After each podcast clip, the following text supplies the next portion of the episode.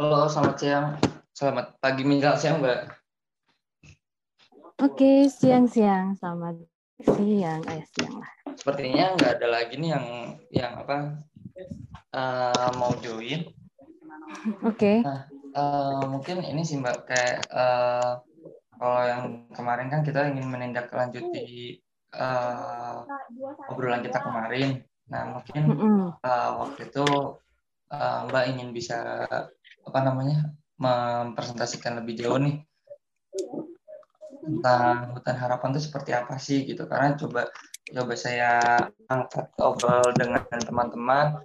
Oh ini menarik nih untuk bisa kita coba mencari tahu lebih. Oke se se se. Tunggu tak aku mau tak pindahin ke laptop dulu ya. Aku tak pengen share kalian video sedikit tentang hutan harapan. Bisa ya ya boleh boleh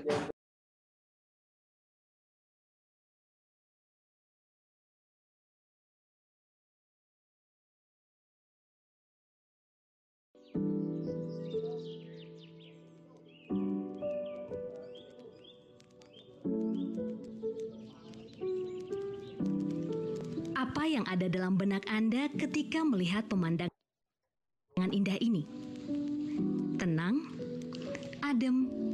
Dan damai bukan?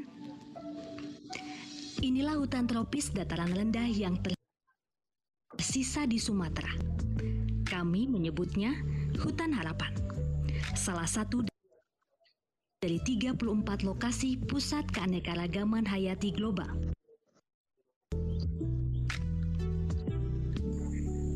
Representasi sekitar 20% keanekaragaman hayati hutan dataran rendah Sumatera. Sebanyak 1.311 jenis flora tersebar di kawasan hutan harapan yang terletak di Provinsi Jambi dan Sumatera Selatan. 43 jenis di antaranya masuk kelompok endemik Sumatera dan 10 jenis masuk dalam kategori dilindungi seperti bulian dan tembesu. Hutan harapan menjadi habitat bagi beragam spesies fauna. 64 spesies mamalia. Harimau dan gajah Sumatera menjadi satu kunci pemulihan ekosistem hutan harapan. Berdasarkan rekaman kamera jejak kurun waktu 2009 hingga 2015, teridentifikasi sekitar 20 ekor harimau di hutan harapan. Empat gajah betina dan dua gajah jantan di hutan harapan di diharapkan meningkatkan populasi gajah Sumatera yang kian terancam. 307 spesies burung menjadikan hutan harapan sebagai kawasan burung endemik dan habitat penting bagi burung. Rangkong gading dan bangau storm adalah dua spesies berstatus kritis yang berada di hutan harapan. 71 spesies reptil, termasuk di dalamnya kura-kura kaki gajah yang statusnya dilindungi dan terancam punah. 51 spesies amfibi. Bahkan LIPI telah mengidentifikasi spesies katak mini dari hutan harapan. 123 spesies ikan. Keberadaan ratusan jenis spesies ikan ini menunjukkan kualitas sungai hutan harapan yang masih terjaga baik. Terlebih lagi, hutan harapan menjadi sumber penghidupan bagi masyarakat Batin Sembilan. Mereka menggantungkan hidup pada hasil hutan bukan kayu seperti madu, damar, jernang, rotan, dan lainnya. Kehidupan mereka tidak lepas dari keberadaan sungai di kawasan hutan Harapan. Pola keruangan dan pemanfaatan sumber daya alam selalu mempertimbangkan kebutuhan generasi mendatang. Kalau kami sini bukan untuk buat harta sebenarnya untuk hidup di situ lah. Kalau masih ada hutan kan seumur-umur sampai anak cucu kami dan nenek moyang sampai sekarang masih hidup di hutan, masih utuh kan. Masih bisa kami hasilkan hutannya. Kalau habis sudah lah jadi kebun sawit orang galuh apa lagi yang nggak diambil. Selain itu, hutan harapan juga menjadi ruang hidup bagi masyarakat lokal Melayu yang telah lama bermukim di kawasan hutan. Mengandalkan hasil hutan bukan kayu, mereka mengelola kebun karet melalui skema perhutanan sosial.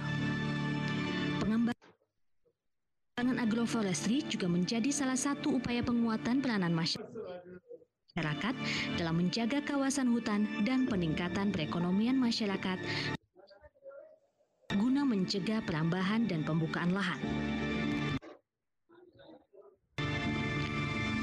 Perlindungan hak masyarakat dalam kawasan hutan atas pendidikan dan kesehatan menjadi prioritas. Klinik Besamu dan Sekolah Besamu Hutan Harapan bergerak hingga ke pedalaman hutan guna memastikan hak-hak dasar tersebut terpenuhi. Hutan Harapan tidak hanya milik Sumatera. Hutan Harapan adalah harta berharga Indonesia. Hutan Harapan menawarkan keindahan bagi masyarakat yang ingin berkunjung ke dalamnya menikmati pemandangan hutan dari ketinggian 20 meter dan riu kicau burung lebih dekat, datanglah ke tri platform Hutan Harapan.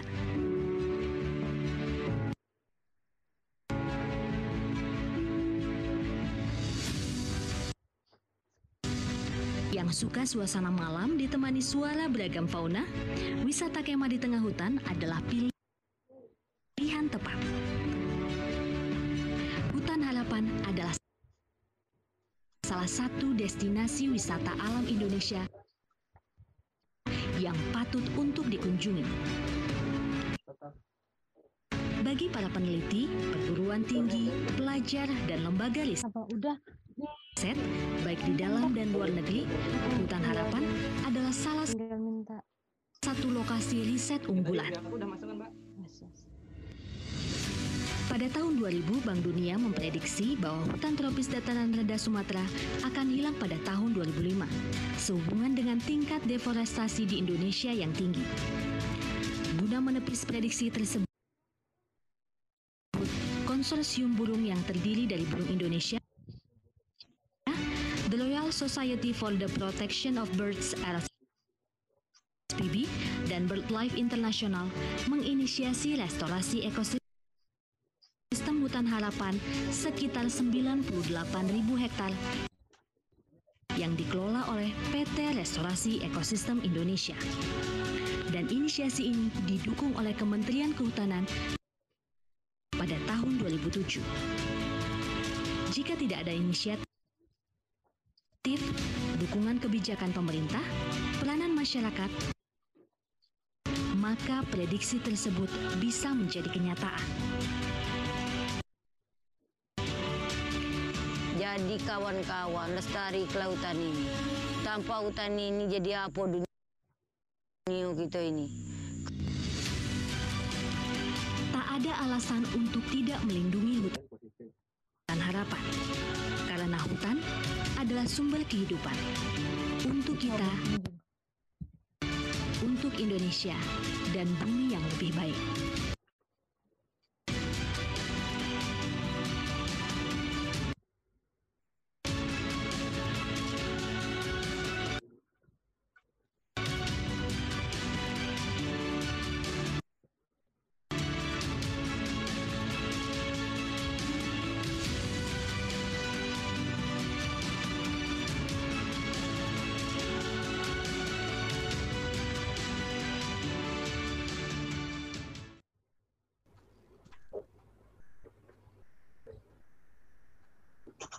Oke. Okay. Menarik banget, Mbak. Videonya keren banget. Sebentar. Wait, ini kenapa aku jadi Ah, oke, okay, kita dah.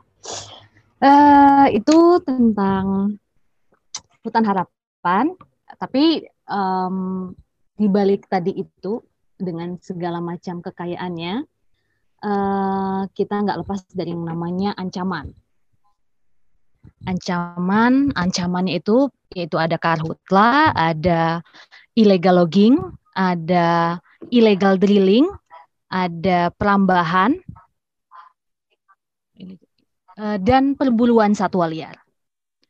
Itu tantangan kita, ancaman juga gitu. Um, perambahan, nah perambahan ini uh, umumnya dilakukan oleh masyarakat, kelompok masyarakat. Ada benar-benar yang kelompok masyarakat yang apa ya, kelompok masyarakat mungkin yang mereka sendiri kemauan sendiri gitu kan melihat hutan terus kemudian membuka membuka kawasan hutan untuk dijadikan perkebunan. Ada juga kelompok-kelompok masyarakat yang memang di dimodali sama pemilik pemilik modal gitu untuk membuka hutan lalu diubah jadi perkebunan seperti itu. Nah ketika mereka membuka kawasan hutan itu untuk digantikan jadi perkebunan cara paling singkat itu apa membakar kan dengan membakar seperti itu tahun lalu kami uh, itu tantangan berat kami juga setelah tahun 2015 paling besar, kemudian 2019 kita juga menghadapi itu gitu. Illegal drilling juga masih ada kelompok-kelompok masyarakat yang datang masuk ke tengah ke kawasan hutan untuk mencoba peruntungan menjual uh, minyak mentah gitu kan. Itu itu yang masih terjadi di hutan harapan tantangan kami. Um, apa? Mungkin itu dulu deh. Kalau dari Mayong uh, dan teman-temannya apa nih yang pengen? Nah, uh, melihat adanya karhutla yang sempat ke up lagi nih setelah iya, benar. ini eh maaf setelah bulan kemarin mungkin bulan kemarin nih yang terjadi di Papua lalu juga di tahun kemarin juga yang terjadi di Sumatera Selatan di Kalimantan juga yang Benar. sampai asapnya tuh uh, ke negara tetangga juga ya mm -mm. seperti itu dan memang uh, sebenarnya kalau bicara terkait karhutla ini permasalahan mendasarnya itu apa mbak? Um, kalau kalau ini kalau dari kalau dari lain saya nggak bisa mengomentari ya saya hanya bisa yang yang kami hadapi ya uh, untuk kami yang benar-benar yang diberikan izin konsesi untuk merehabilitasi untuk merestorasi kawasan hutan.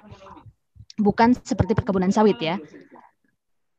Uh, kalau kami pasti hampir tim riset kami pun bilang bahwa 99% karhutla yang terjadi itu akibat uh, um, emang dilakukan oleh manusia akibat kesengajaan karhutla itu gitu um, dan di tempat kami memang iya itu dilakukan oleh sekelompok orang sekelompok masyarakat yang memang tujuannya semata-mata ingin mengganti kawasan hutan menjadi kawasan perkebunan. Itu yang terjadi di kami di lahan konsesi uh, hutan harapan. Um, tahun lalu kalau kami bisa cerita itu itu jadi ada kelompok masyarakat itu sekitar 50 kakak. Bayangkan 50 kakak, mereka jauh-jauh datang dari Sumatera Utara menjual lahan mereka dari dari di Sumatera Utara itu lalu uh, mau menerima um, apa ya tawaran dari penggarap hutan ilegal biasanya ada oknum-oknum yang mencoba menawarkan ya di sini ada lahan kalian bisa kelola gitu. Kalian bisa garap gitu. Mereka menjual mereka lalu membeli uh, kemarin itu pelakunya masih buronan masih buron. Hmm. dia sampai sekarang. Um, itu dia jual hmm, berapa ya? Satu hektar. Berapa kemarin tuh? Satu juta. Eh, dua juta. Untuk satu hektar. Nah sekitar itu enam hektar sembilan juta sekitar itu gitu kan nah eh, ketika dan mereka nih hampir rata-rata warga itu tidak memiliki eh, identitas dari Jambi gitu. Tidak ada rata-rata itu semua bahkan mengaku KTP-nya hilang, tidak ada gitu kan. E, mereka hanya suruhan seperti itu. Dan di situ di lokasi itu um, itu benar-benar semuanya itu mereka bahkan sudah mempersiapkan bibit, bibit-bibit sawit. Dan mereka tuh sudah ada bangun sudah ada bangun pondok, sudah ada bangun pondok yang anehnya kita punya banyak dokumentasinya ketika ada api di sekitar mereka ada kayu yang terbakar, tapi mereka tidak tidak mau mencoba berusaha memadamkan gitu. Itu kan uh, jadi sudah sudah cukup sudah cukup jelas gitu. Memang ada kesengajaan untuk mengubah kawasan hutan itu menjadi lahan perkebunan gitu. Itu yang terjadi di tempat kami. Hmm. Dan Seperti itu. Berarti maksudnya uh, gini apa ya? Kalau misalnya terkait kan ada uh, narasi kalau misalnya karhutla itu memang itu suatu pembakaran hutan itu memang yeah. kesengajaan. Maaf, disengaja. Tapi uh, ada dua hal yang menjadi filter gitu. Uh, di mana yang pertama adalah memang masyarakat baik itu masyarakat adat ataupun masyarakat biasa mm -hmm. itu pun melakukan pembakaran hutan. Iya betul. Tapi ada secukupnya untuk benar, Benar. Dan untuk yang filter yang kedua adalah hal itu yang dilakukan oleh oknum-oknum swasta atau oknum pemilik modal lah ya kita bilang juga. Nah, pemilik modal yang memang juga pun melakukan itu dengan sengaja tapi dengan masif. Nah, ya. um, yang menjadi ada du dari dua filter itu ada gaung di mana ya kalau misalnya untuk filter yang pertama tadi orang masyarakat adat masyarakat adat pun juga membakar itu ibaratnya hanya membagi sedikit lah untuk hidup aja gitu jadi iya. masih yeah. di taraf wajar tetapi yang menjadi permasalahan adalah mereka yang yang membakar ini dengan masif dengan uh, oknum yang yang memberikan apa ya pembakaran itu menjadi besar gitu. Iya. Nah, kalau dengan, dengan Mbak sendiri di lapangan ini seperti apa? Atau memang dua-duanya pun juga melakukan pembakaran yang masif gitu? Kalau gini, yang kami bisa, kami yang itu yang dia untuk kesulitan kami adalah mengidentifikasi kelompok-kelompok masyarakat. Ini siapa yang membackingi? Itu uh, yang kami benar-benar belum bisa ya maksudnya tahu. Karena ini kan kayak terputus ya terputus. Mereka beli uh, si penggarap hutannya uh, lari gitu kan. Akhirnya kami hanya bisa bertemu dengan si masyarakat ini gitu. Nah ini masyarakat pendatang ya. Kita bedakan kalau masyarakat batin sembilan kalau dulu itu dulu. Dulu masyarakat batin sembilan uh, sebelum PT Reki ada bahwa mereka bertani berladang nanam padi itu dengan membakar. Dan membakar pun itu bukan tanah biasanya dia cuma semak belukar yang kira-kira bisa mereka bakar dan hanya untuk nanam padi. Nah, uh, setelah itu ketika kita kan uh, bahwa kita dapat izin untuk memulihkan hutan kan nggak boleh dong ada aktivitas membakar gitu. Nah ini yang kami uh, dorong masyarakat untuk mencoba uh, menerapkan agroforestry gitu. Artinya mereka bisa bertahan hidup tanpa harus membakar hutan gitu kan dengan cara menanam misalnya menanam tanaman-tanaman buah-buahan, sayur-sayuran yang bisa memenuhi kebutuhan mereka sehari-hari melalui program agroforestry. Itu kita bedakan. Nah, masalahnya yang di tempat kami ini adalah kelompok-kelompok masyarakat yang memang membakar cukup masif itu semata-mata hanya untuk perkebunan sawit gitu loh. Di lahan hutan yang harusnya dipulihkan gitu itu. Uh, dulu tahun berapa itu? Jo. Oh, ya.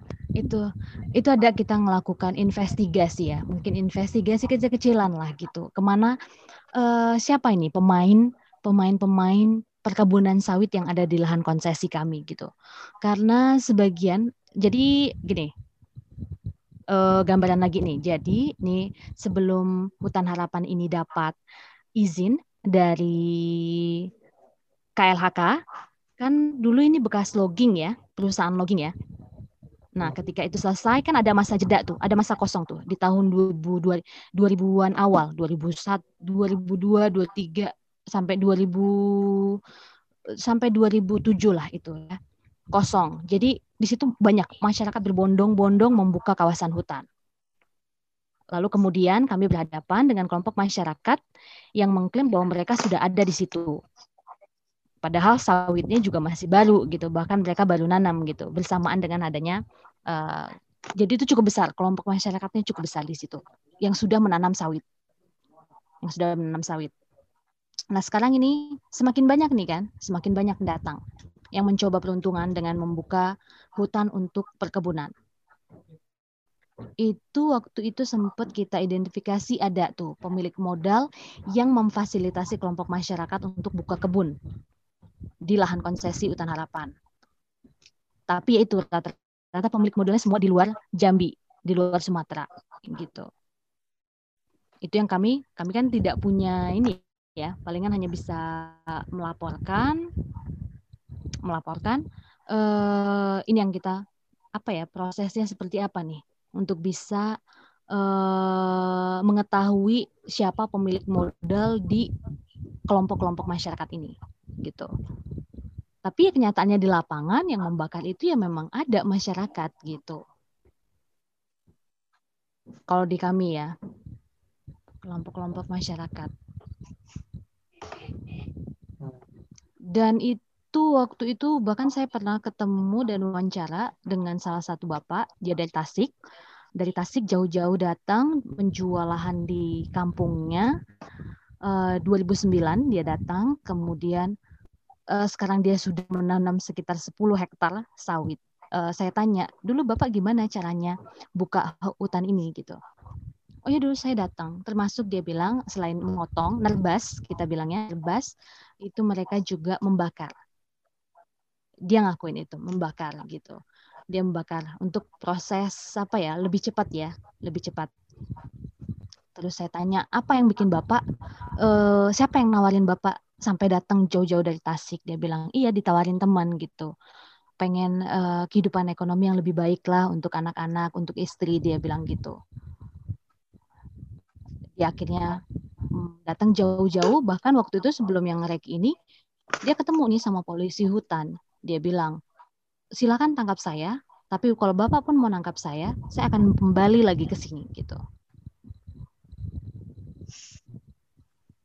jadi mungkin kami ya ini tantangannya gini ya eh, ketika kami juga harus kalau mungkin kalau kami ke, berhadapannya antara korporat dengan korporat gitu kan, ada korporat yang duduk wilayah kami, kita bisa selesaikan itu di di meja hukum dengan cara cepat gitu ya. Maksudnya kita bisa langsung ketemu gitu kan, e, laporin gitu. Nah, ini kita ada berhadapan dengan masyarakat yang ketika kita proses hukum ada serangan balik gitu loh.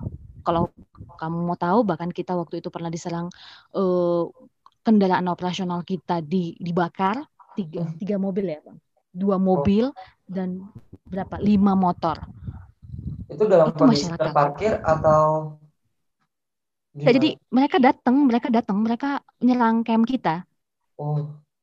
Dan bahkan makanya, makanya itu akan kan kita juga harus menjaga ini dong keamanan tim patroli kami dong gitu kan. Sulu balik ternyata dapat serangan. Oh iya tahun lalu itu saya masih di saya pas baru gabung kita nah itu yang ketika kita melakukan proses proses dan itu proses hukum pun kita melibatkan tim terpadu. Artinya memastikan bahwa apa yang kami lakukan itu tidak melanggar uh, hak asasi manusia gitu. Kita melibatkan LSM kita melibatkan uh, kepolisian untuk melihat ini loh kasusnya gitu bahwa kebakaran di hutan harapan ini memang karena kesengajaan gitu. Dan sama-sama gitu hutan harapan nggak bisa sendiri. Butuh butuh partisipasi dari dari berbagai pihak untuk menyelesaikan ini. Karena apa? Tadi menyangkut kelompok masyarakat gitu loh. Juga menyangkut kepentingan ada kepentingan masyarakat gitu. Nah tapi gimana? Sementara kita punya punya tujuan untuk memulihkan hutan gitu dan tidak boleh ada gitu loh. Apalagi perkebunan sawit di di kawasan hutan gitu. Kan itu sudah sudah benar-benar tidak sesuai tidak sesuai dengan aturan KLHK, tidak sesuai dengan izin yang diberikan seperti itu. Nah, itu bahkan ketika kami ketika ada proses uh, apa ya, proses penegakan hukum, itu kita dapat serangan balik. Datang itu berapa puluh orang ke camp kami untuk uh, minta uh, um, karena kan ada dong, ada pelaku-pelaku yang dianggap membakar kawasan hutan gitu. Sorry. ya udah kita lakukan dan itu pun masih dapat serangan balik. Nah itu yang kami butuh butuh apa ya? Butuh banyak keterlibatan uh, Pemda, keterlibatan organisasi lain untuk melihat kasus di dalam konsesi ini gitu.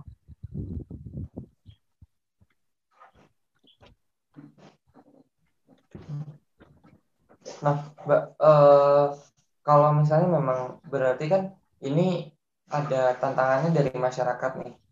Nah, yeah. tapi kalau boleh tahu uh, apakah tadi juga ada polisi hutan nah untuk da, uh, Mbak sendiri atau dari hutan harapan ini uh, atau dari PT Rek ini memang sejauh ini seperti apa sih penegakan uh, yang dilakukan untuk tetap menjaga atau merestorasi hutan ini apakah misalnya uh, ada tangkap tangan lah atau juga mungkin penindakan langsung di lapangan atau hmm. uh, atau harus dibawa dibawa dulu ke jalur hukum atau seperti oh, apa gitu. untuk uh, proses penegakannya atau mungkin setiap hmm. hari berpatroli 24 per 7 misalnya. Oke. Okay. Jadi kita kan ada beberapa pos jaga ya. Ada pos jaga utama di di yang memang apa yang rawan-rawan tindak inilah tindak kejahatan hutan gitu ya. Kita ada pos-pos. Itu ada pos di Meranti, pos di Jerat, pos di Lusap. Kita ada itu emang sudah ada penempatan pos-pos itu dan itu emang itu 22 hari 20 jadi sistem kerja kita kan 22 hari di camp nanti uh, tiga orang tiga orang lima orang bisa tuh di dalam pos untuk bertugas di pos itu dia bertugas ya itu untuk keliling untuk melihat gitu terus misalnya menanggapi misalnya ada yang melaporkan uh, di situ tuh ada illegal logging tuh gitu. Ada warga mungkin atau batin sembilan yang melaporkan. Nah, tim-tim kami ini nih yang bertugas untuk uh, apa menindaklanjuti. Nah, tapi kita ada SOP-nya, ada standar operasional sebelum dibawa ke penegakan hukum, ke proses hukum. Misalnya dibawa ke kantor polisi. Kita pertama ada ada peringatan pertama, uh, persuasif dulu kita ada upaya persuasif kan kita selalu ya melalui ini apa uh, banner um, pelang peringatan uh, spanduk seperti itu tuh ada di pos-pos pos-pos jaga kita. Itu kan bentuk uh, standar pertama persuasif gitu. Nanti um, habis itu nanti ada proses kedua lagi. Kalau misalnya tidak bisa ketika kita sudah ngasih tahu dan besok misalnya ketemu lagi dengan orang yang sama kita kasih peringatan kedua gitu. Peringatan kedua dan segala macam. Ada berita acara yang harus ditandatanganin dan kesepakatan seperti apa gitu. Nah kalau sudah ketiga ketiga dan tertangkap tangan gitu ya, ketika lagi nebang itu mau tidak mau itu sudah harus dibawa ke proses hukum gitu. Dan biasanya itu kita nggak sendiri, kita kami akan melaporkan tuh ke kantor polisi antar polisi terdekat untuk melaporkan, oh di sini ada loh, ada tindak kejahatan di kawasan kami. Selebihnya itu sudah jadi tanggung jawab kepolisian. Gitu. Kalau sudah sampai di di laporan kepolisian itu sudah jadi tanggung jawab kepolisian gitu. Yang penting kami sudah sudah melaksanakan tanggung jawab kami yang pertama mengamankan kawasan kami gitu, mengamankan wilayah hutan gitu. Hmm, oke. Okay. Itu ada ada ada prosedur. Jadi nggak nggak ujuk-ujuk langsung pas ketika ketemu ada nih. Karena biasanya kan kayak misalnya uh, um, kadang ada illegal logging. Ini kan mereka biasanya main nanti ada cuma dua atau tiga orang. Ketika ketahuan nanti yang ketika tim kami bisa sampai ke lokasi itu nanti yang dapat cuma satu orang gitu kan dan itu pun kadang kadang sudah tua gitu akhirnya kita beri peringatan dulu beri peringatan kita kasih tahu bahwa kawasan yang mereka masuki itu adalah kawasan hutan yang dilindungi kayak gitu nggak boleh ada ini ini itu gitu nanti apa yang kita temukan itu kita amankan dan kita akan laporkan ke uh, kita bawa ke polisi seperti itu nah mbak uh kalau misalnya kan tadi udah ada peringatan, ada dari peringatan satu, dua sampai tiga. Ya. Sama ketika udah sampai diserahkan ke polisi, uh, efektif nggak sih Mbak dengan dengan sudah sampai di polisi? Maksudnya gini, bukan seuzon ya, tapi lebih ke uh, ya kita tidak menutup mata gitu dari ketika pun juga sampai penegakan aparat ada yang namanya lolos tanda kutip. Gitu. Betul sehingga proses penegakan hukum untuk membuat jerak seseorang mm itu mi, jadi tidak terlaksana yep. gitu tidak terwujudkan yep. apalagi tadi yang sempat lucu juga yang dari bapak Tasik tadi bisa ditangkap uh -uh. tapi nanti bakal balik lagi ya itu kan juga hasil dari sawit pun juga bisa membayar kebut apa uh, gas gitu masa penjara mereka gitu sehingga pun juga mereka bisa lepas lagi dan bebas lagi juga. Mm-hmm. Apakah hal itu tuh efektif gitu untuk proses penegakan hukum yang selama ini di lapangan yang terjadi? Nah, eh, sangat susah untuk bilang efektif atau tidak efektif karena ini perjuangan yang menjaga hutan kayak usaha tanpa akhir sampai kiamat kita juga akan terus kayak gini gitu kan akan menghadapi tantangan seperti ini gitu karena uh, memberikan efek jerah akan ada selalu akan ada muncul kelompok-kelompok baru. ketika kita sudah berhasil uh, melaporkan ada yang diproses sampai diproses sampai untungnya uh, beberapa ini kayak kemarin kasus karhutla tahun lalu itu semua sudah diproses tapi ya lagi um, sangat kompleks ngomongin karena beda-beda ngomongin illegal logging, ngomongin perambahan. Nanti ketika ngomongin perambahan, ngomongin kelompok masyarakat, ada organisasi-organisasi tertentu yang juga di belakang kelompok-kelompok ini gitu, yang mencoba mengadvokasi mereka gitu uh, dengan alasan tadi uh, rakyat berhak atas tanah gitu kan. Uh, mungkin kalau ini yang paham nanti ke mana ini arahnya gitu. Ketika kami menyangkut perambahan gitu. Nah, ketika illegal logging sampai pun sampai pun kita kita ketika berhasil bawa mereka ini pelaku pelaku ini sampai ke penegakan hukum usahakan harus terus ini nih akan nanti habis itu akan ada muncul lagi kelompok-kelompok baru kelompok pemburu baru lagi gitu. Gak ada habisnya. Kalau mau dibilang efektif agak um, cukup sulit kita bilang. Tapi yang pasti kita bisa pastikan bahwa kita menjalankan tugas utama kita. Apa sih? E, bagaimana ya? Maksudnya mencegah karena gini, kalau tidak ada patroli akan semakin mudah kan? Semakin mudah orang memasuki kawasan hutan ini. Ketika sudah ada akses jalan dibuka, percayalah eh, orang akan semakin mudah gitu untuk mau ma untuk masuk ke dalam suatu kawasan gitu. Eh, bahwa tugas-tugas kita untuk uh, mengamankan kawasan hutan ini itu sudah kita jalankan.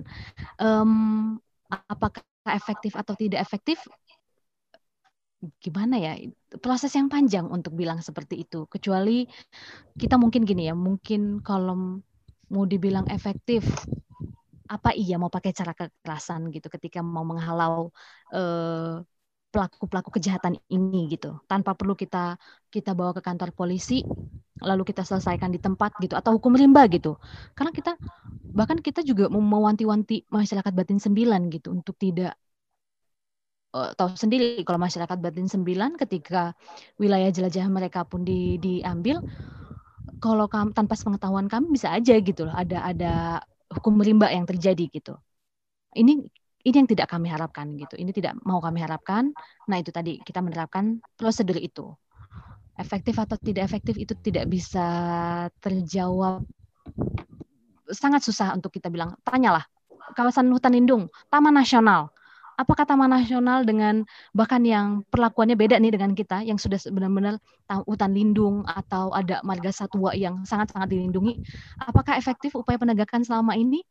Nyatanya sampai sekarang pun tantangan tantangan itu masih ada kan, tetap dihadapi hmm. oleh uh, Taman Nasional, kemudian apa nih Taman Nasional, terus sudah itu perlindungan kawasan hutan lindung gitu. Buktinya ancaman-ancaman itu selalu ada, walaupun hukuman yang ditegakkan yang diancamkan atau yang diberikan itu sudah sangat tinggi gitu. Walaupun sebenarnya undang-undang kita perlu direvisi sih untuk untuk kejahatan lingkungan gitu. Itu sih Hmm. Kalau nah, kalau berarti untuk untuk proses penindakan pun juga memang apa ya? Itu proses yang berjalan terus kan? Proses yang berjalan terus dan dan ibaratnya menuju ke idealan tadi sih yang Iya. Antara penegakan hukum yang benar-benar bisa disiplin dan tegak gitu yep. ditambah dengan adanya kesadaran masyarakat yep. juga yang yang semakin tinggi. Uh -uh, karena ini kan ancaman yang nggak hmm. berkesudahan ya ini. Betul. mau siapa pun uh, cobalah. Kalau ada yang berhasil benar-benar kita nih mungkin itu jadi tonggak tonggak perlindungan hutan yang luar biasa ketika akhirnya mungkin nih uh, pelaku illegal logging dihukum mati gitu. Habis itu kemudian setahun dua tahun kemudian uh nggak ada yang berani nih illegal logging gitu. Atau pelaku perambahan gitu kan dihukum seumur hidup. Ya elah korupsi aja udah dihukum ancaman hukum mati juga nggak apakah bisa kita bilang efektif gitu? Enggak juga gitu kan? Itu enggak sulit gitu. Karena itu proses sih proses yang tiada akhir. Bahwa yang mungkin yang perlu ditanyakan apakah kita sudah menerapkan prosedur uh, yang yang maksimal gitu untuk mencegah mencegah kejahatan lingkungan, kejahatan kehutanan gitu. Itu mungkin. Mungkin ada yang dia prosesnya langsung tanpa perlu peringatan satu dua langsung dibawa ke ke penegakan hukum gitu. Mungkin ada yang seperti itu. Tapi kalau di kami, bu kami ada prosedur apalagi ketika kami berhadapan dengan masyarakat. Masyarakat ya. Ya bayangkan kalau dirimu ketemu bapak-bapak tua gitu kan, dia lagi megang gergaji, langsung bawa ke kantor polisi gitu. Um, makanya kami perlu pendekatan. Artinya pakai uh, prosedur pertama, kedua, sampai benar-benar kalau memang tidak bisa ditolerir lagi dan tertangkap tangan, itu memang harus hukum yang yang yang jalan. Yang jalan gitu. Tapi Mbak untuk yang kan tadi kalau dari yang kita tonton video tadi itu luasnya 98 ribu hektar berarti ya. Untuk... Yep. Dan itu tapi kita videonya kenapa? Itu kenapa? tahun berapa? Tahun berapa videonya di tag? Tahun main. Itu hampir kalau oh. uh, uh, uh, kalau dirimu ngeliat kita masih gini. Yang tadi aku bilang bahwa ada uh, sekitar mungkin kita bilang berapa ya mungkin 10.000 hektar itu sudah diokupasi oleh masyarakat perkebunan dari 98 ya, hektar itu ya? karena itu tadi. Sebenarnya proses masih terus berjalan kami masih terus uh, pendekatan karena usaha kami tadi itu selain mengajak mereka untuk bermitra karena kalau bermitra kita akan ada regulasi perhutanan sosial dan kalau sudah ikut bermitra bahwa mereka tidak boleh perkebunan sawit itu berdiri sendiri harus ada diselingi uh, tanaman kehutanan. Jadi kita dari masyarakat nih, kelompok-kelompok perambah nih, yang dulu masuk, beberapa sudah kita rangkul untuk gabung dalam uh, kemitraan, skema kemitraan dalam perhutanan sosial. Nah itu. Hmm, jadi memang 10.000 hektarnya dialokasikan Bukan, bukan, bukan. Kita nggak nggak pernah bilang itu mengalokasikan, enggak. Artinya itu yang sudah diokupasi dan kami terus itu masih proses berjalan bagaimana masyarakat itu mau, oke, okay, keterlanjuran sawit kita bilang, keterlanjuran sawit, tapi restorasi nggak hanya monokultur ini aja, tapi bisa disisipi pohon tanaman kehutanan. Dan hmm. proses kita bagaimana mereka mau bermitra, menjadikan mereka agen-agen apa ya bagian dari perbaikan uh, ekosistem gitu. Jadi nggak cuma ini masyarakat sembilan atau masyarakat pendatang, Mbak? Pendatang, umumnya oh, pendatang. Oh, hmm. Nah, Batin sembilan juga kita jadikan mitra. Nah, kalau bermitranya ini mereka eh, tahap kita ini agroforestry. Karena kan dulu mereka ini masih apa ya, masih ada yang berburu, masih ada yang um, mengandalkan hasil hutan bukan kayu masuk ke dalam.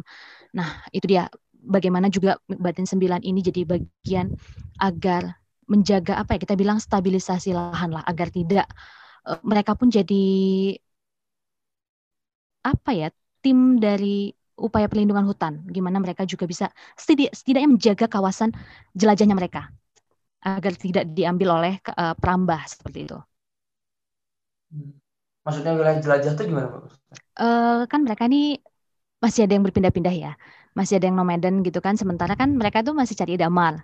Cari damar itu kan bisa jaraknya jauh kan.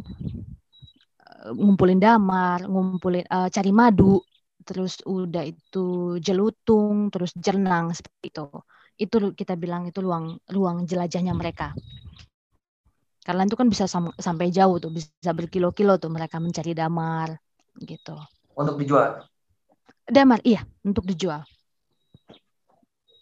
damar, madu. Nah, itu yang kita kita kita kita fasilitasi mereka. Mereka jual ke ke, hutan harapan. Nanti um, hutan harapan nanti yang akan cari pasarnya. Untuk saat ini itu yang bisa kami fasilitasi madu, damar, jernang gitu. Nah, berarti kurang lebih untuk sekarang pun juga uh, apa ya ha, uh, value yang dipunyai oleh hutan harapan ini selain restorasi hutan sebagai poin utamanya dari awal, mm-hmm. juga turut melakukan community development yep. uh, khususnya masyarakat adat Batin Sembilan yep. dan yep. juga mendorong adanya terbangun mitra dengan masyarakat yep. pendatang tadi ya Mbak ya. Uh, uh, tapi yang keterlanjuran ya, kalau nanti tiba-tiba ada yang baru datang lagi, oh kita enggak gitu. Maksudnya sebisa mungkin ini kami mendorong yang sudah ada dulu.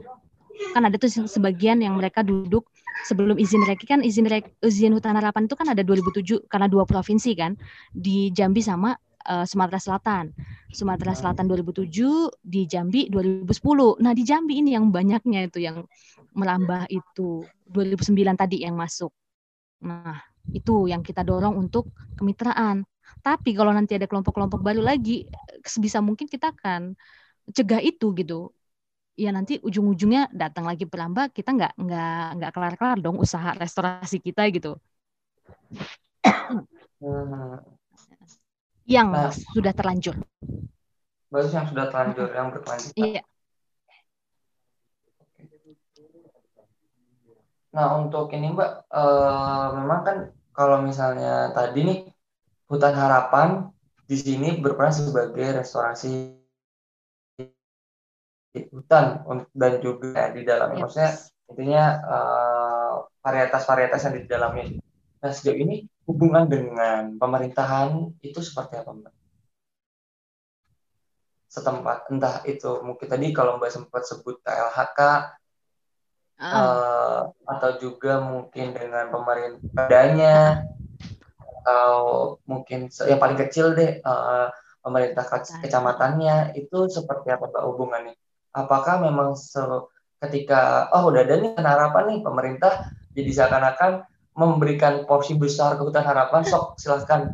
Terus pemerintah uh, ambil di bangku cadangan aja gitu menonton atau ya udah gitu melepas tangan lah gitu okay. tapi, tapi kalau bagian apa-apa masih bagian uh, prestasi-prestasinya mengklaim, tapi yep. bagian yang kesulitan-kesulitan tutup mata, tutup uh, uh, seperti uh, oh, Sebentar, Mayong Mayong ngikutin dong ya Omnibus Law.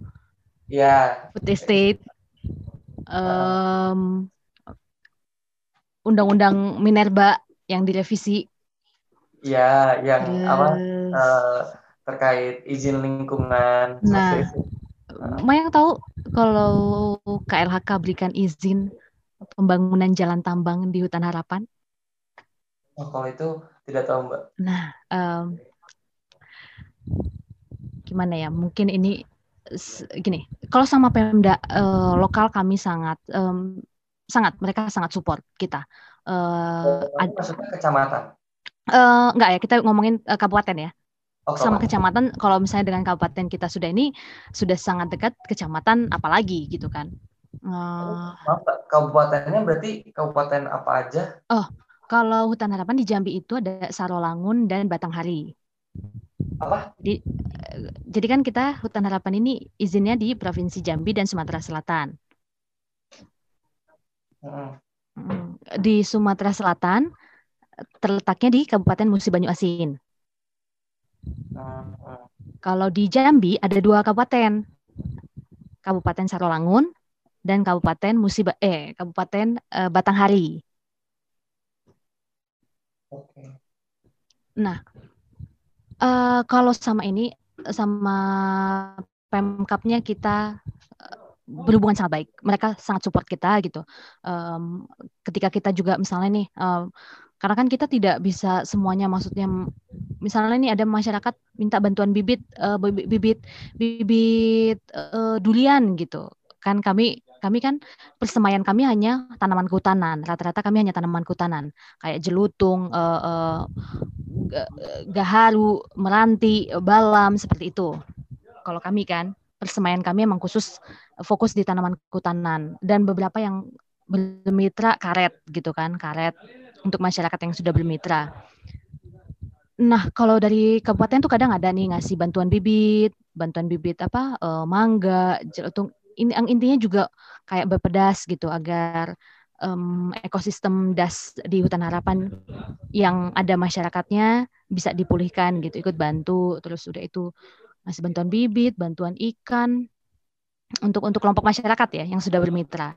Itu sangat dekat um, kami bilang apa ya dengan kalau pemerintah pusat dengan memberikan izin sebenarnya itu juga bagian dari dukungan ya dukungan tapi mungkin saya nggak cobalah Mayong sebagai masyarakat ngelihat kita dikasih izin untuk memulihkan hutan yang tersisa lagi yang di dalamnya ada masih ada harapan ada harimau gitu kemudian tapi KLHK juga ini yang memberikan izin pembangunan jalan tambang yang tidak bisa dipungkiri akan membuat fragmentasi habitat.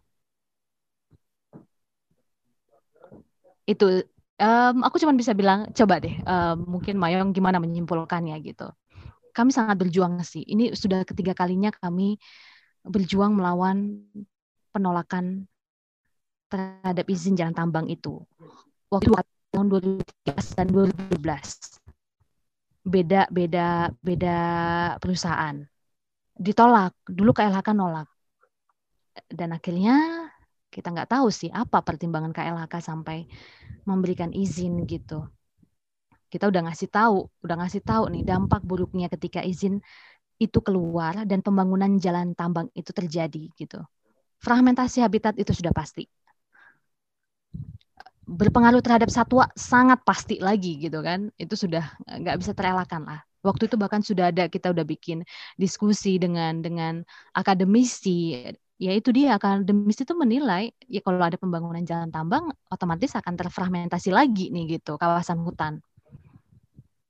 Um, ruang jelajahnya uh, ruang gerak batin sembilan yang nomaden yang masih nomaden itu pasti juga akan akan sangat terdampak gitu loh.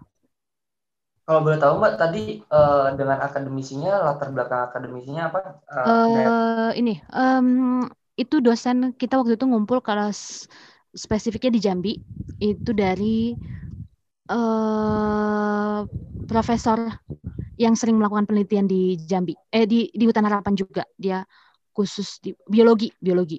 Oh berarti biodiversitinya berarti ya? Iya dia dari biodiversitinya dan dia sudah emang sudah bilang itu fragmentasinya kecuali dia bilang apalah gitu kecuali memang sudah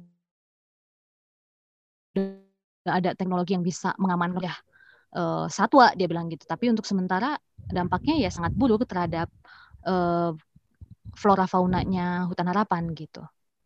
Hmm. Kalau boleh tahu mbak tadi ini KLH kalau yang memberikan izin sampai pembukaan jalan tambang ini KLHK pusat iya atau dong. KLHK. Kan oh, sekarang semua bukan. semua ini terpusat. Oh, iya, daerah itu hanya ngasih rekomendasi. Iya. cuma aja gitu kita mau ngomongin apa pun dan termasuk di omnibus law juga gitu gitu loh yeah. segala macam izin ya di pusat dan apa pun alasannya kalau itu investasi minggir yang lain minggir gitu loh Oh, ini tambang apa mbak? Tambang batu bara. Tambang batu bara. Dan oh. untuk ini, jadi pembukaan eh, pembangunan jalan untuk jalan angkut tambang batu bara dan hasil kebun.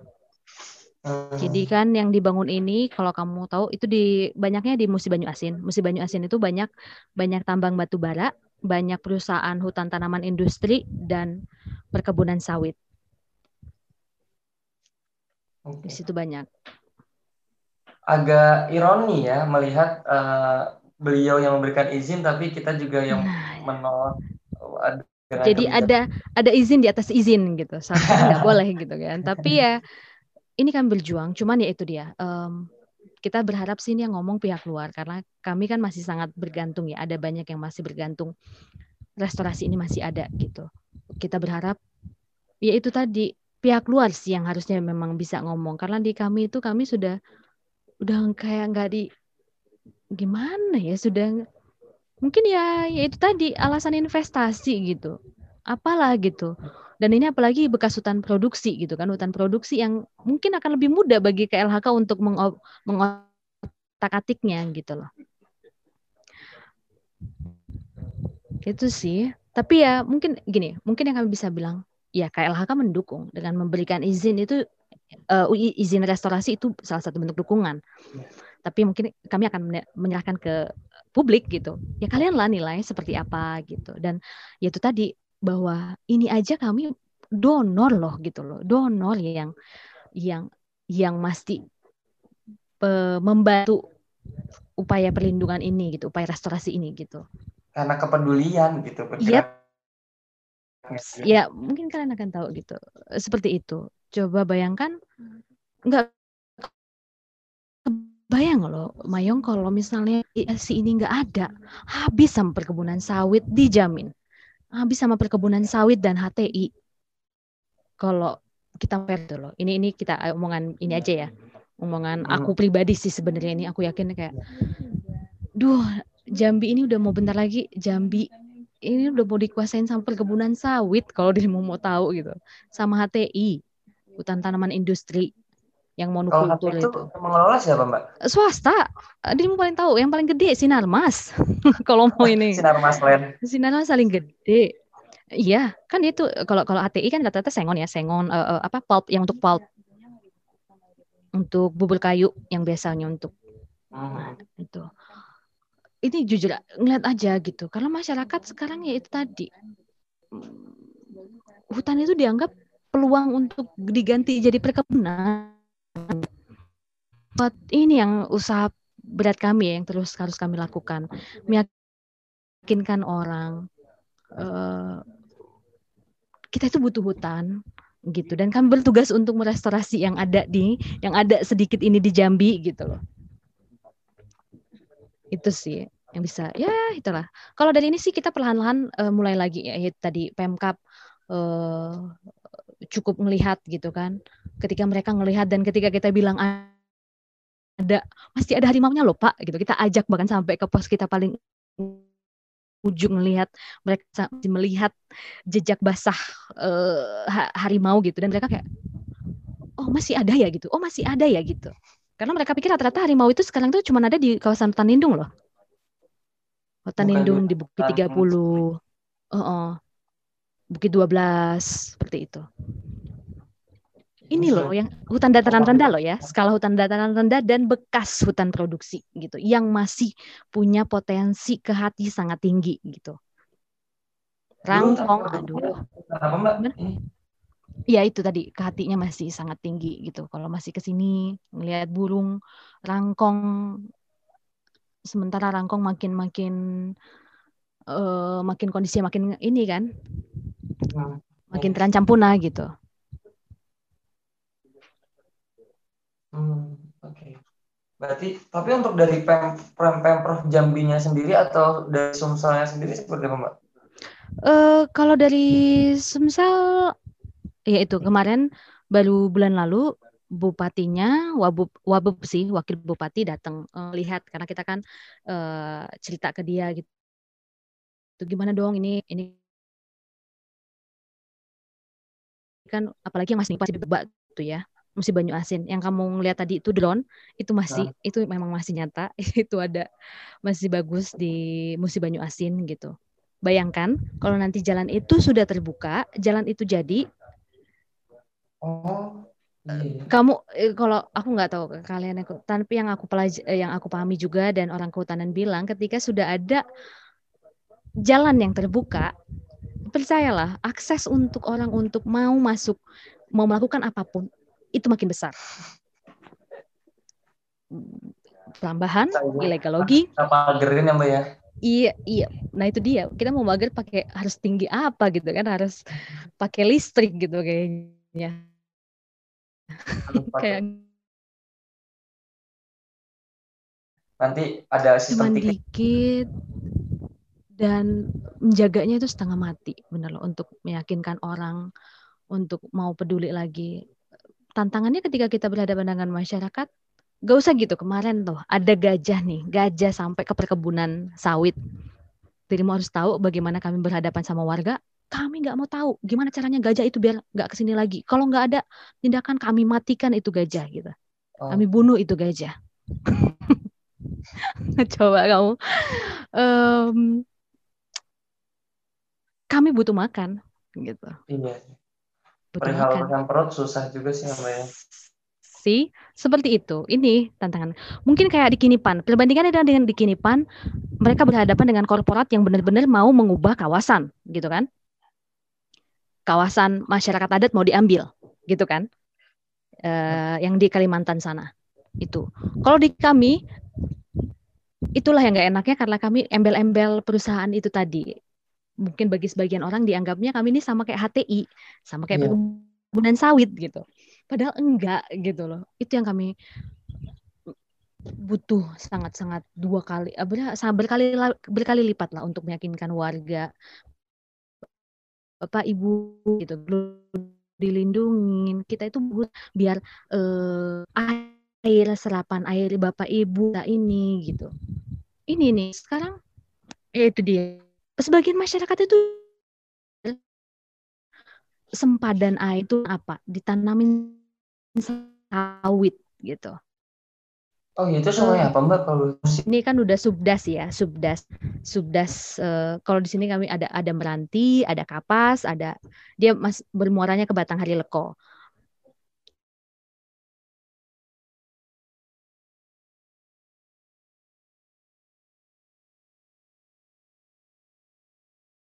sungai-sungai yang ada dalam hutan harapan. Sampai sempadan itu pun ditanamin gabun ditanamin perkebunan sawit. Dan akhirnya mereka merasakan dampaknya ketika musim kemarau sangat kering, ketika musim hujan seperti sekarang sangat banjir gitu. Itu. itulah tantangannya. Gimana ya mau bilangnya? Uh, ini sih makanya aku sangat beruntung mungkin nanti uh, kapan kalau misalnya kalian mau ada seminar dan hutan harapan bisa juga dilibatkan kita ngasih tahu sama-sama masyarakat. Karena untuk saat ini mungkin sampai sekarang ini jangkauan kami mungkin Sal dan Jambi lah ya. Uh, pemahaman masyarakat tahu tentang hutan harapan gitu. Uh, nah ini dia isu gaungnya ini sebenarnya sangat kencang kan buat kita untuk nekan pemerintah untuk lebih concern sama isu lingkungan gitu dari omnibus law terus kemudian hutan lindung mau dijadikan food estate terus kemudian uh, kalau ada yang menentang uh, pembangunan atau pembukaan tambang-tambang apa pun masyarakat mudah dikriminalkan, mungkin kita bisa sama-sama gitu menggaungkan gitu. Ya hutan kita makin sedikit gitu.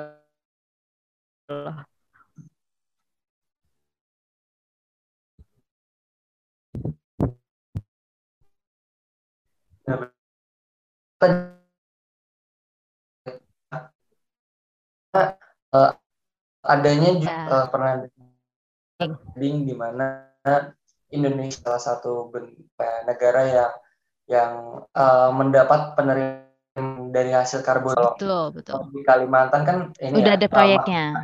Katingan, Project itu ya. Katingan Mentaya Katingan Project. Nah, uh, apakah di Hutan Harapan pun juga nah dan Katingan Project pun juga melihat uh, adanya kendala juga gitu Iya, sama dong gitu. Ya, nah, mau juga kan, itu masyarakat juga loh yang tiba-tiba habis itu setelah kebakaran, lalu muncul kelompok-kelompok masyarakat uh, meng, ya, mem, mengatakan bahwa itu kawasan mereka gitu kan. Betul. Klaim-klaim pihak ya. gitu. Mm -mm. Nah, tapi kalau uh, apakah di hutan harapan gini atau PT Rek ini uh, mendapatkan lim, uh, limpahan juga oh, gitu dari adanya belum belum. karbon belum karena kita belum ada program itu. juga. kami belum sih karena memang butuh persiapan kan untuk bisa memetakan kira-kira berapa nih dari hutan harapan yang bisa untuk carbon trading gitu. Itu masih proses sih. Kami berharap mau ke arah ke sana tapi sebenarnya kan tujuan awal inisiasi dari ya itu tadi yang peduli itu sebenarnya ini lebih kayak mau menjadikan bagaimana hutan harapan ini kembali jadi apa ya? Mungkin jadi restorasi ekosistem pertama di Indonesia dan jadi mungkin percontohan untuk melihat 50 tahun ke depan berhasil nggak sih kita memulihkan hutan yang sempat dulu diabaikan seperti itu gitu loh. Sebenarnya lebih ke situ kan menjaga menjaga flora fauna yang masih yang terancam punah masih aman gitu di dalamnya goalnya kan sebenarnya itu lebih ke situ dulu gitu tapi kami sangat masih itu masih dalam proses masih proses diskusi sih soal carbon trading itu gitu. Bahwa itu kan juga peluang kan, peluang gitu. Gimana kita menjaga hutan terus dapat duit. Itu kan menyenangkan sih sebenarnya. Hmm, ada setidaknya ada investa bukan investa, insentif lah insentif untuk iya. Berlanjutan.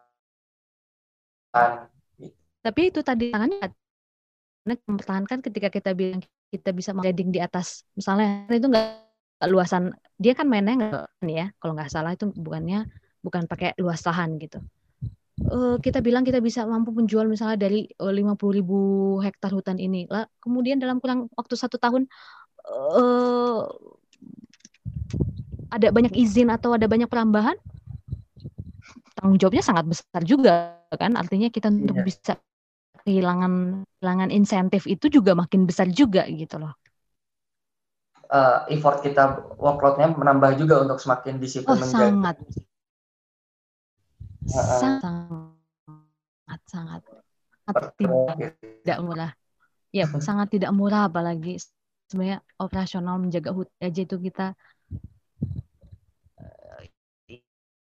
ya itu tadi lebih nih ya kalau dirimu mau tahu tim patroli kami itu bukan takut sama binat, binatang yang ketemu gitu.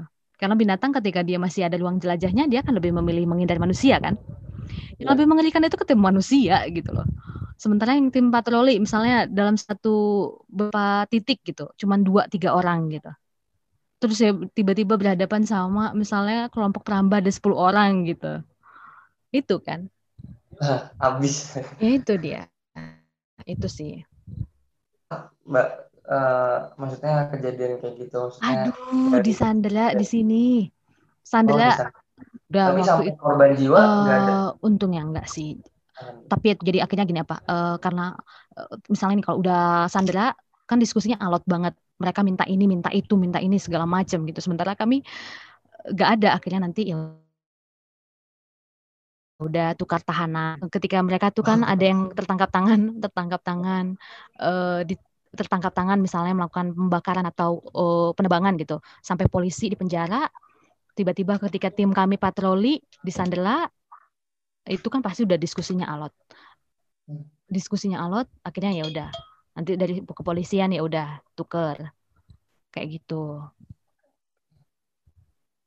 Wah jadi kalau saya teringat aja sedikit kayak dulu waktu kecil mungkin bermain mm -hmm. yang namanya cing benteng gitu Ah, ada, iya kan, ada, tahu kan? Uh, iya kan? Sandra-Sandra, uh, terus gitu. akhirnya untuk sama-sama deal-dealan bagian infonya adalah tukar tahanan. Uh, uh, gitu. Ini kejadian di real dan mungkin Banget. lebih lebih mencekam juga mencekam. ya. As, waktu itu sih yang cukup, ya itu tadi yang mereka sampai membakar itu dan waktu itu di camp tahu sendiri kita kalau jam 10 malam sudah mati lampu, uh, gimana waktu itu gel nggak gelap sih ada lampu tertentu gitu kan tiba-tiba diserang gitu.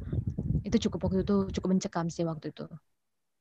Mungkin ya itu dia. Ya kalah sih ke, ke blow up medianya kita naikin uh, tentang jalan tambang aja untuk narik perhatian nasional tuh cukup. Waduh effortnya gede gitu.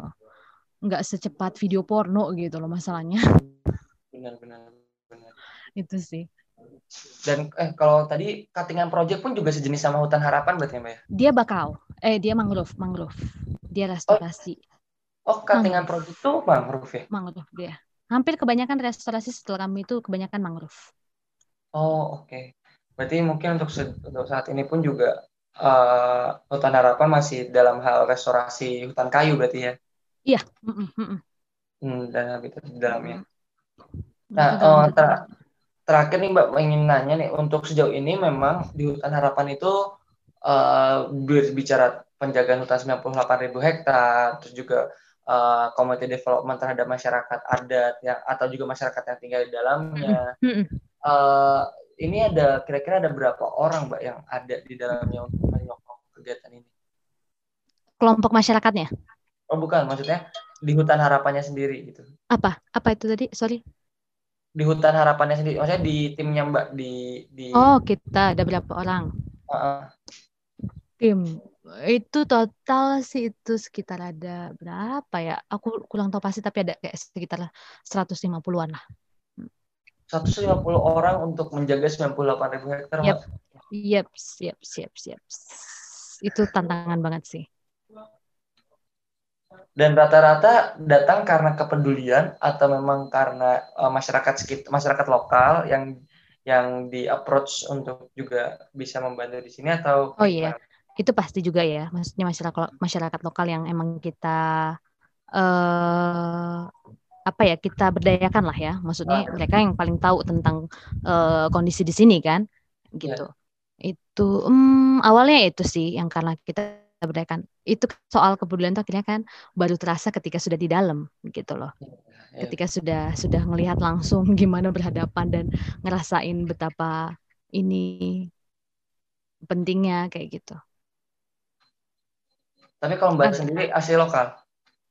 Oh enggak. Aku sudah duluan di Jakarta habis itu ke sini. Lihat hmm. aku baru gabung setahun oh, tahun lalu. Oh, oh baru setahun Oh berarti Mbak asal dari Jakarta dan mungkin pun juga setelah 22 hari kerja balik lagi ke Jakarta gitu? Iya, seperti itu. Oh, oke. Okay.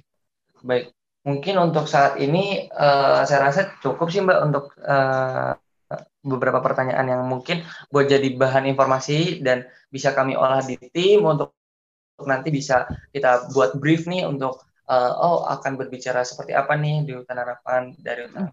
Sebenarnya mungkin ini sih di, di diskusi nanti tuh idealnya ya atau juga mungkin mimpi saya sih sebenarnya uh -uh.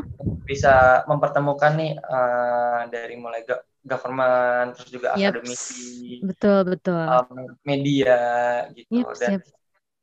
dan sebenarnya juga ada satu lagi sih bisnis gitu cuma mungkin uh -uh. untuk untuk bisnis nih agak sensitif gitu apakah uh, saya takutnya kayak seperti diserang gitu. oh. gitu sebenarnya enggak dong bisa dong bisa bagaimana uh, berbisnis maksudnya tanpa mungkin menghancurkan hutan gitu maksudnya peningkatan hasil hutan bukan kayu itu kan bagian Aku, dari bisnis kan Benar-benar. Atau mungkin ada, ada rekomendasi ini enggak bis, uh, dari bisnis nih kira-kira siapa ya yang yang sejauh ini yang cuk yang dia menerapkan uh, ekonomi memanfaatkan hutan atau juga uh, seperti itu tapi hmm. tidak merusak atau juga tetap menjaga hutan juga.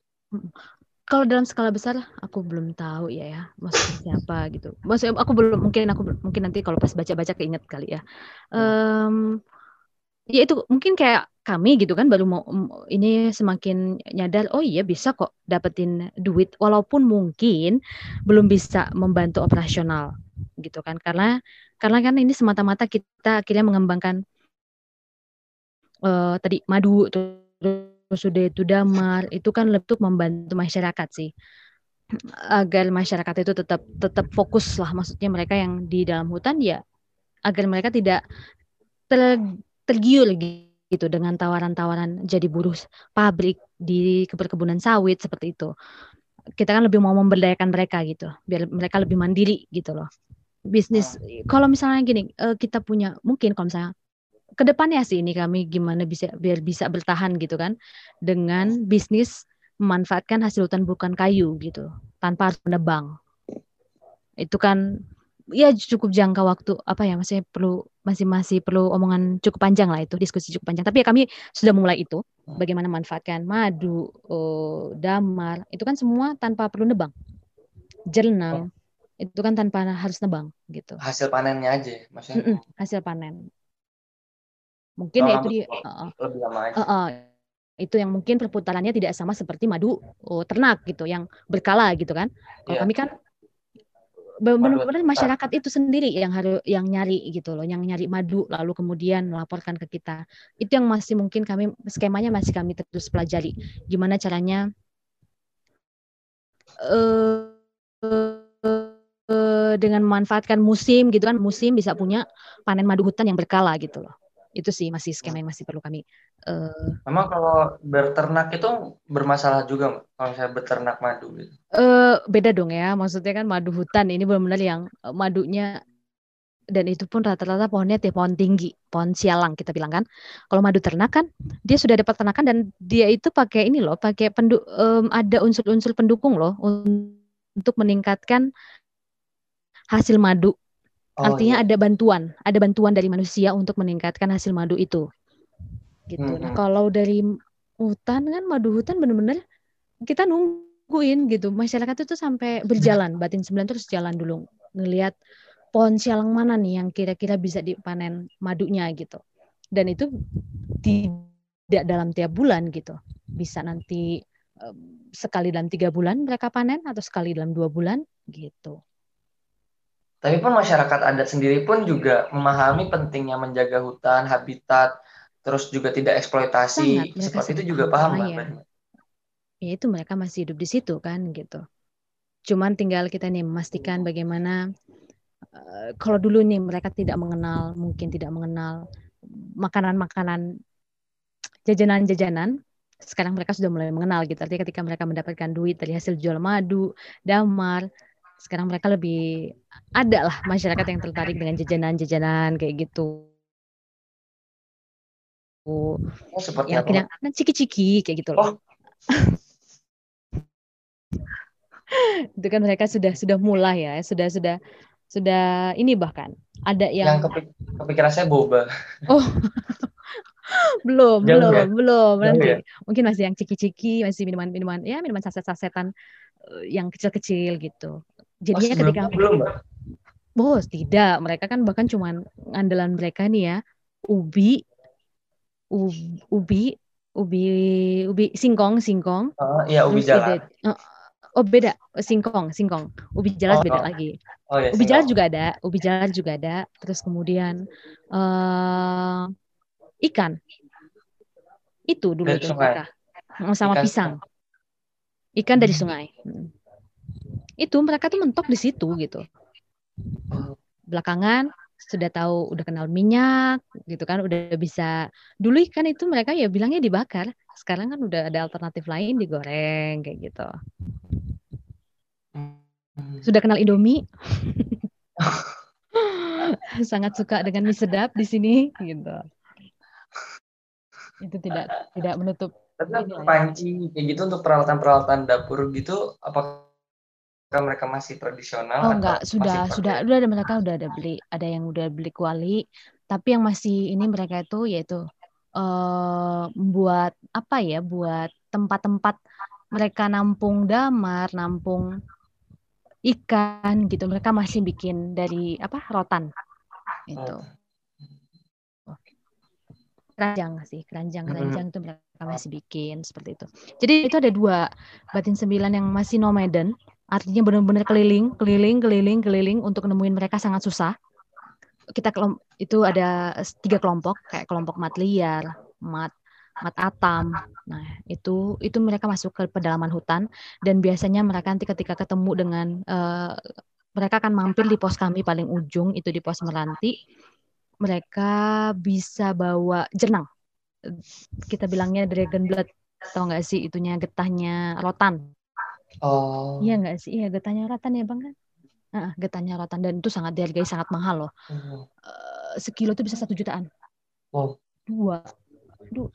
Oh yang bagus kalau yang benar-benar dia kualitasnya bagus itu bisa dua jutaan sekilo. Mhm.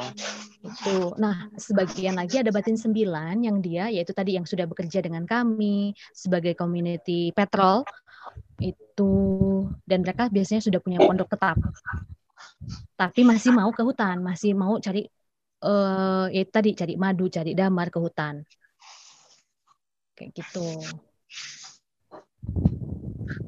Oke, baik. Nah, eh, mungkin cukup sih Mbak untuk untuk diskusi kita pada pagi hari ini gitu. Nanti untuk oke. lebih lanjutnya mungkin akan saya bisa kabari lewat Mbak atau Ah, mungkin ada hal-hal yang mungkin saya butuh lagi, saya bisa hubungi juga lewat Naomi gitu. Iya. Bisa. chat aja juga bisa kok Oke, eh, nanti untuk WA ya berarti ya Mbak. Ah, ah.